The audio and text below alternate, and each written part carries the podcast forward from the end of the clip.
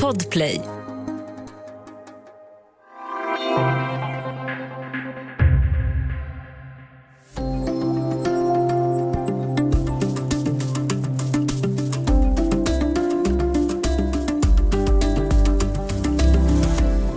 Finlands herrlandslag är för första gången med i EM och skriver därmed fotbollshistoria.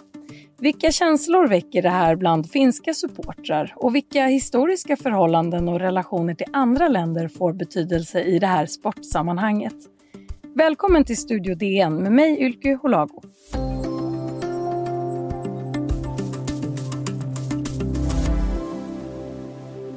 Fyra danskar precis runt honom. Oronen försöker då med någonting längre. Och här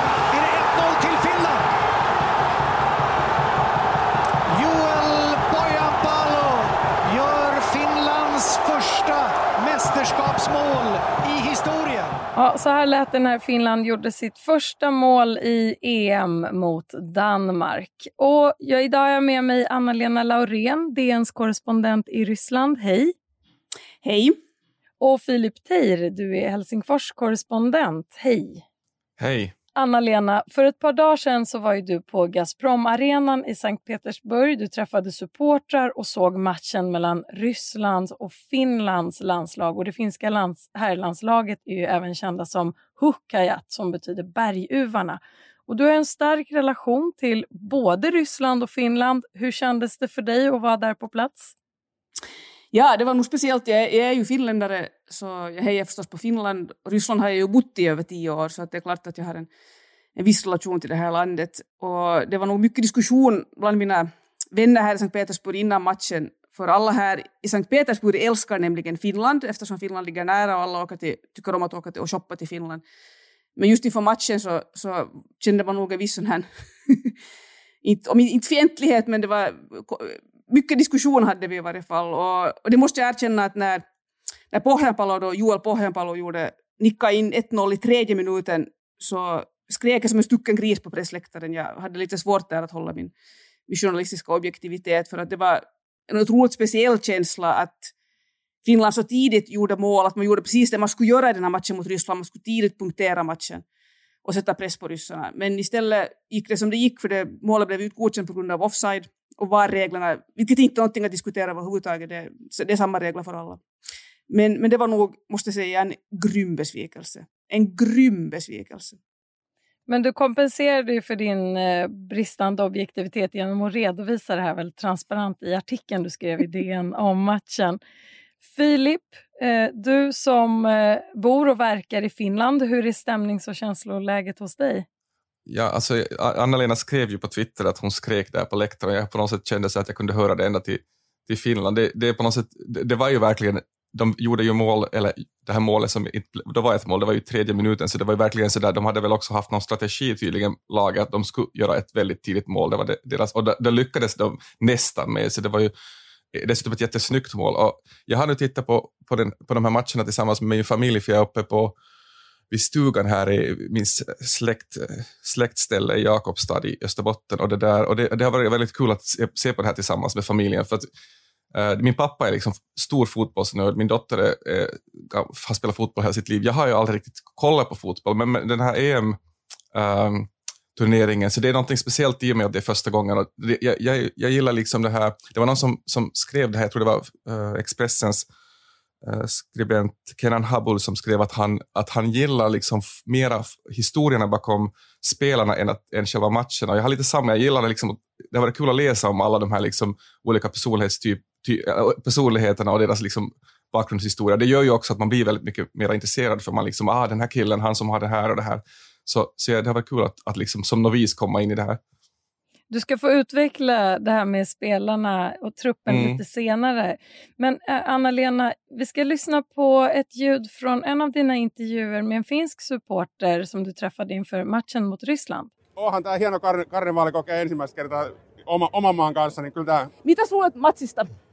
Ää, tulee tasainen ja tiukka, mutta tota, uskon omiin, että Suomi voittaa niukasti. Suomelta ei odoteta mitään, silloin me ollaan parhaimmillaan. Anna-Lena, du får översätta här. Vad pratade ja, Det här var alltså Jussi Nurminen från Tavaste hus och han sa att det blir en väldigt hård match, men, men Finland kommer att vinna för ingen förväntar sig någonting av Finland och vi är alltid som bäst när ingen förväntar sig någonting av oss. Och, och det är ju, jag skrattar väldigt mycket för mig själv när jag gjorde den här intervjun, för det är ju lite den här typiska vår inställning till allt, att, att det här, man ska alltid liksom ha sänka förväntningarna, man ska ha mycket låga förväntningar, man ska absolut liksom inte ha anspråk på någonting i Finland. Och jag tänkte faktiskt för mig själv när jag intervjuade supportrar inför matchen och det var många, som sa, många finska supportrar som för ovanlighetens skull sa att vi kommer att vinna den här matchen.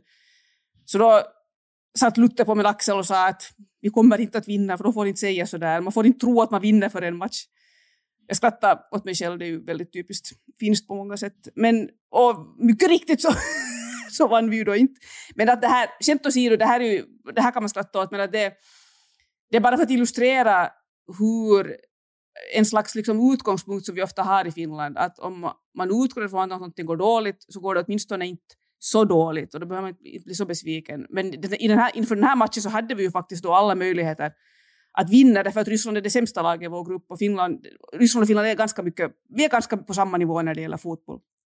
Så, så det här, det var, det var en väldigt speciell match. Och det var igen på något plan, vi får se hur det går. Kanske Finland nu gör ett under och det blir 0-0 mot Belgien, eller 1-1 mot Belgien. Alltså chansen är mikroskopisk, men det kan ske och då får vi en ny legend om hur det lilla tappra Finland kämpar sig framåt. Och om vi förlorar mot Belgien, vilket tyvärr är det mest sannolika, så får vi också en ny legend om att vi var nästan där igen och så klarar vi det inte. Fast vi var nästan där. Filip, vad tänker du om den här inställningen som Jussi Nurminen ger uttryck för i Anna-Lenas intervju? Nej, men jag, jag, brukar ju skriva varje år, de senaste fyra åren när, när Finland blir valt till världens lyckligaste land, då brukar jag ju skriva att det beror ju på att vi har så låga förväntningar. Uh, det, det, är den enda möjliga förklaringen Eh, till att Finland kan vara världens lyckligaste land. Alla är ju lika förvånade, men Uh, det där du sa, Anna-Lena, om att, om att det, det, blir en ny legend, vi kom, vi kom nästan dit, det påminner ju lite om det som, som författaren Kjell Wester sa när jag intervjuade honom om, om det här historiska EM, att, att fin, finska fotbollslegender har byggt väldigt mycket på det här, att, att man var nästan där, att man liksom Ja, utom, ja, utom sen för 2019 när Finland kom med i EM, när det blev klart, då, då, det var ju en så, det bröts på något sätt, den här förbannelsen då. Anna-Lena, du skrev ju i Dagens Nyheter att eh, matchen mellan eh, Ryssland och Finland handlade om en av fotbolls-EMs mest laddade matcher. Kan du berätta om de historiska förhållandena som påverkar i fotbollssammanhanget? Ja, det är också en, en lite grannlaga upp, uppgift att förklara det här. för Finlands förhållande till Ryssland är liksom inte, det är inte hemskt enkelt. Och ibland brukar jag jämföra, fast man borde, man borde aldrig jämföra, men om man jämför med de baltiska länderna till exempel, så skulle man ju tycka på något sätt att det är ganska likt, att balterna har också haft mycket krigisk, eller haft mycket konflikter med Ryssland och, och liksom också varit en del av Ryssland. Men Finland hade lite annan historia eftersom ryssarna anföll då, eller Stalin anföll Finland 1939 och Finland lyckades, lyckades då försvara sig och försvara sin självständighet och sen gick man då med i Hitlers anfall mot Sovjetunionen 41 för att ta tillbaka Viborg och förlorade områden. Och, och sen lyckades man på något märkligt sätt att krångla sig ur allt sammans 44. Men skillnaden mellan liksom Finland och de baltiska länderna är att vi har haft ett krig som vi förlorade men vi lyckades ändå behålla självständigheten medan de baltiska länderna blev ockuperade av Sovjetunionen. Så det gör att, att samtidigt som jag kan inte säga att man i Finland på något sätt älskar Ryssland men, men det finns inte samma liksom Animositeten tror jag inte är lika stark som i, i de baltiska länderna för vi har inte en historia av ockupation som, på samma sätt som de har. Men, men samtidigt, som den finska supporten Niklas Korolev som jag intervjuade i DN sa det, jag vill förresten påpeka att det är väldigt typiskt för Finland att jag intervjuade finsk supporter som talar svenska som sitt modersmål, han var Helsingfors finlandssvensk och har ett ryskt efternamn. Korolev är en gammal, så kallad gammal rysk släkt som har funnits i Helsingfors över hundra år. No, han sa att det här att inte, inte vill han prata något vinterkrig, att han tycker inte om liksom den här sortens retorik när det gäller sport. Och jag tycker själv hjärtligt illa om den, så jag var väldigt glad över att han sa det. Kan du bara Men, berätta kort, vad handlar den, hur låter den, den här retoriken? Ge ett jag, exempel bara. Till exempel hade i vårt ishockeylag hade, för ett par år sedan hade de en sån här de, det, delades ut, eller det såldes t-skjortor med, med liksom vinterkrigstematik och, och ishockeylaget ville liksom jämföra sig med det lilla tappra Finland som kämpade mot Sovjet under vinterkriget. Något som jag tyckte var väldigt obehagligt för att och, och, också på något sätt respektlöst mot veteranerna för att hockey är hockey men krig är faktiskt något helt annat.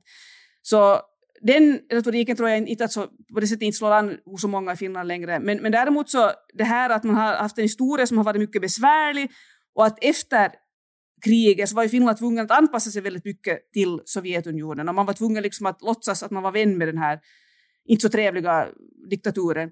Så det har ju satt sina spår och, och det, det var därför den här Niklas Korolev då sa att det är roligt att kunna ge igen lite på fotbollsplanen. Men han sa det liksom, han sa det ju mer som ett, alltså som ett skämt, alltså han, det, det är inte liksom på blodigt allvar, men det finns ett litet allvar där bakom i varje fall. Så, så därför var det på många sätt en väldigt, väldigt intressant match. Filip, du har ju intervjuat författaren och fotbollsnörden Kjell Westö som du nämnde här eh, och ni pratade mm. om Finlands historiska plats i EM. Hur såg han på Finlands berättelse om sig själv speglat ur ett eh, fotbollsperspektiv? Eh, han pratade ju om det att, just som jag sa tidigare, att, han, att, att vi har varit väldigt nära och att det har alltid varit lite sådär snubbla på mållinjen grej. Men det som är intressant tycker jag att Kjell Westö är då en generation äldre än mig och, och jag, jag har liksom vuxit upp i ett Finland där vi, där vi gjorde eh, där vi vann mot Sverige 1995 i ishockey och det på, på något sätt, eh, då var jag 15 och då, det var ju liksom så där, det var kanske så min första medvetenhet om, om Finland i något slags stort idrottssammanhang som, som på det sättet var liksom en för stor folklig grej. Folk var ju galna när Finland vann mot Sverige, då, för det var den första första liksom, eh, guld i ishockey. Så jag tror att han, Kjell och jag kanske har en viss Eh, skillnad i hur vi, hur vi ser på Finland som, som idrottsnation i det här, de här lagsporterna. För jag, jag tänker ju att Finland har ju vunnit, liksom, han, han, han minns 60-70-talet när det liksom aldrig någonsin hände någonting och Finland var liksom uselt, man bara försökte klara matchen genom att, med, genom att kasta in bollen liksom från sidorna och sådär och ingen kunde liksom någon teknik. Sådär. Det har ju ändrat väldigt mycket. Alltså, eh, och det tror jag också har gjort att den mentala biten har ändrat, vilket han också påpekar att, att Finland kanske ändå, de här nya spelarna som kommer nu uh, i herrlandslaget, så de har kanske inte riktigt den här liksom, inställningen, typ att no, det kommer ju ändå aldrig att bli någonting. Utan de, jag tror nog att de är ganska, de har ju spelat alla utomlands så mycket, så de har ju säkert en helt annan mentalitet. Så den äldre generationen är lite mer fast i ett underdog-perspektiv? Låter det, det Ja, det, det, kan ju möjligtvis vara så, ja. Vi ska ta en kort paus och sen prata vidare om Finland i fotbolls-EM.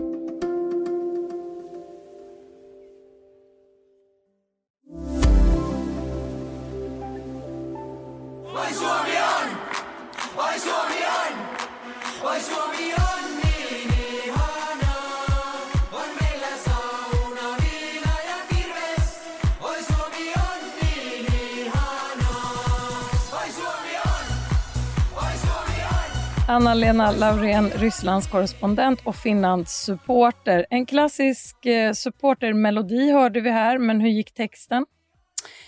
Ja, det är ju en lite självironisk text som Oi Suomi onnin ihana, on meillä sauna, viina ja kirves, Finland är underbart, vi har, vi har bastun, brännvinet och yxan. Och det här är ju någonting som verkligen ska tolkas som, som självironi för att och jag är på något plan lite glad över att de ändå har vågat använda de här stereotyperna. För att Finland har ju samtidigt, jag tycker inte heller om det här när man i Finland helt, helt hysteriskt vill visa att nu är vi borta från det här gamla, att nu är vi, nu är vi liksom EU och vi är jättemoderna. Vi har EU, Nokia. Och, att jag, liksom, jag, tycker, jag tycker man måste kunna skämta med sina egna stereotyper. Och, och det, ja, det, det skulle vara kul om de skulle sjunga sjunga om liksom, vi har bra teknik, vi har digital väl, val, valsystem. Exakt! Vem skulle vilja lyssna på en sån sång? Men det intressanta är att jag skrev om det här i min text i DN och, sen satte, och, och det var med rubriken också och då fick jag och jag förväntade mig det. Jag fick sen ett mejl av en finsk DN-läsare som var sårad och sa att varför måste du igen hålla på och bekräfta de här gamla stereotyperna? Och jag kan ju förstå henne, men faktum är att jag tycker tvärtom att det att man vågar använda stereotyper så är ett bevis på att man kanske har fått en lite mer avslappnad inställning till, till vem man är. Det här och, är en stor diskussion i väldigt många sammanhang som det kanske inte finns något exakt svar på vad som är bästa vägen. Men det har ju gått två år sedan det blev klart att Finland eh, gått vidare till fotbolls-EM och jag har själv familjemedlemmar som kastade sig på första flyg från Stockholm till Helsingfors för att vara med och fira den här kvällen, de här dagarna som följde. Filip, ta oss tillbaka dit. Hur var stämningen? Det var ju alltså en match mot Liechtenstein där i, i, i eh, november 2019. Ganska dåligt väder, väldigt sådär um, liksom sådant Helsingfors grått som det brukar vara i den här tiden på året. Men folk, um, det var ju verkligen så här att laget själva blev också helt galna efter att de vann för att, för att det var så historiskt bra. Folk sprang ju där på, på planen, supportrar hoppade från, ner från läktarna. Sen så, så tog man sig in till stan. Det finns ju en sån här gammal tradition i Helsingfors att man eh, efter sådana stora liksom vinster, till exempel Lordi i, Melodifest eller i Eurovision, revisionen och, den typen, alltså hoppar man dit i Havis, Havis Amanda-fontänen mitt i stan vid Salutorget. Och, och det där, det där är liksom en sån där, man brukar säga också torilla tavataan, alltså vi ses på torget. Om det, även i väldigt små, i väldigt små sammanhang så brukar man använda det här, liksom, säga att Sanna Marin, har, har, vår statsminister, då är på, på omslaget till tidningen Time så är det alltid någon som säger Torilla tavataan, alltså vi ses på torget. Liksom idén är att, att finländare, alltid om det är något, något som, någon som uppmärksammar oss utomlands så då ska vi ses på torget, liksom high-fiva varandra och, och, och, och, och simma i fontänen. Så det, men det här var ju verkligen en sån kväll där det verkligen var värt att eller liksom verkligen själagöra det. Anna-Lena, vad gjorde du den här kvällen? Ja, jag var inte i Finland, så jag följde inte med. Jag, jag kan direkt säga så här att den, jag följde med det via nätet men jag firade inte speciellt mycket då för det var på något sätt uh, Fotboll är för mig liksom någonting som, jag följer med EM och VM och jag följer med finska laget och jag hejar på, på bergjuvarna, på Hukajet. Men jag, jag, tycker inte att fotboll ska liksom vara allt här i världen, eller någon idrott ska vara allt här i världen, så jag firar nog kanske inte speciellt mycket då. Men, men det är klart att nu när man är här och man är på EM och man liksom följer med så jag hade ju nog firat hemskt mycket om Finland skulle ha vunnit över Ryssland hade jag säkert. kanske inte hoppa i Nevafloden men, men någonting i den stilen. Något åt det hållet. Och om vi tittar då på dagens eh, framgångsrika herrlandslag som ändå har tagit sig hit på ett historiskt sätt. Vilka är framgångsfaktorerna i dagens truppsammansättning? Jag kan säga att när jag berättar för min familj att jag ska vara i en, i en podd om fotboll så skrattar de allihop. Och jag kan säga att det här med truppsammansättning är alltså inte min styrka och matchanalys. Men, eh, men eh, det, är ju, det, är ju, det har varit så ända sedan början att, att att vår stora liksom, skyttekung Pucke är den som har största förväntningar på sig. Han har ju också varit på plan väldigt sådär liksom, imponerande. Men det är ju, det är ju Joel Pohjanpalo som är, som är den som faktiskt gjort mål nu i den här, i den här uh, turneringen, så det, det var kanske lite så att ögonen är på honom just nu mest. Och han är, han är det där, jag tycker han var så otroligt imponerande också efter den här matchen mot Danmark, i slut, efter matchen när han blev intervjuad, så han hade en så otroligt så ödmjuk uh, sätt att svara på uh, på, på hur, det, hur, han kände efter matchen efter, eftersom det här stora uh, tragiska som hände med, med Christian Eriksen. Så han på något sätt, hans sätt att liksom vara väldigt så nedtonad trots att han hade gjort det där målet var väldigt sådär liksom, uh, på något sätt stiligt. Det som ju också är intressant är, är den här lagkaptenen Tim Sparv. Alltså, som jag nu förstått det också så där från liksom de som kan, kan fotboll och finsk fotboll ganska bra, så, så han, han är ju inte en, uh, kanske en sån här liksom som man automatiskt ser som en kärna på plan, men han lär vara väldigt bra på att hålla samman det här laget, alltså så där mentalt. Han lär vara väldigt duktig på att, på att hålla igång motivationen och han, han är, tycker jag, intressant typ också, för han representerar någon slags ny, ny typ av idrottsman i Finland, det vill säga en sån här människa som, går, som pratar gärna om att han läser böcker, att han är intresserad av kultur och att han tar ställning politiskt och den typen av grejer. De hade ju en sån här finska landslaget, när de spelade mot Wales i fjol, så hade de en, en sån här Black Lives Matter-manifestation på plan där de eh, gick på knä och, och, eller knäböjde, Och det, där, det har man inte riktigt gjort, den typen av ehm, um, manifestationer eller, eller liksom ställningstaganden gör man kanske inte i finsk idrott så mycket. Och det, det där har, har förändrats. Det finns kanske andra exempel, Eh, men, men det kanske finska herrlandslag att, att man gör en sån eh, är kanske större än, än en enskild idrottare. Ja, det skulle jag säga, om man tittar på hela laget, så det som jag tror gör att de har klarat sig så pass bra som de har gjort är ju för, tack vare den andan som Tim Sparv, och inte bara han utan också chefstränaren Markku Kanerva har liksom på något sätt tydligen lyckats få in i laget att, de, de jobbar, att man jobbar tillsammans. Att, att det liksom, de har vissa stjärnor då som framförallt Pucke men också nu Pohjapal som Filip nämnde men de är, det är liksom väldigt mycket ett jag som, lag som jobbar ihop. Och på något plan tycker jag att det liknar nästan lite det, vårt hockeylag som vann VM för några år sedan som bara bestod av de spelade, det var ju, det var ju inga stjärnor överhuvudtaget i det laget, utan de bara liksom jobbade ihop väldigt bra. Och det som ju nog har fungerat, som, som gjort att Finland har tagit sig så pass långt som man har tagit sig, är ju att man har en väldigt enkel strategi egentligen, att man försvarar sig väldigt hårt. Och det var en rysk landslagsspelare som sa det ganska bra, att, att finnarna, finnarna tar emot liksom attack på attack. De, Tjerpit, tjerpit, på ryska det betyder alltså att de liksom tål det. Man tål attack på attack på attack. Jag höll på att förgås för övrigt mot Ryssland för det kom så mycket ryska attacker hela tiden. Och sen gör man sådana snabba, välriktade, vassa kontraattacker. Och, och det här fungerar och som sagt så skulle det inte ha varit för de här offside, offside centimetrarna skulle det ha fungerat mot Ryssland också. Turneringen började ju med matchen mot Danmark där den danske spelaren Christian Eriksen fick hjärtstopp. Det var ju förstås väldigt traumatiskt för alla som upplevde det och laget har ju fått hantera det. Och nu väntar match mot Belgien. Det finns en chans att Finland går vidare till åttondelsfinal.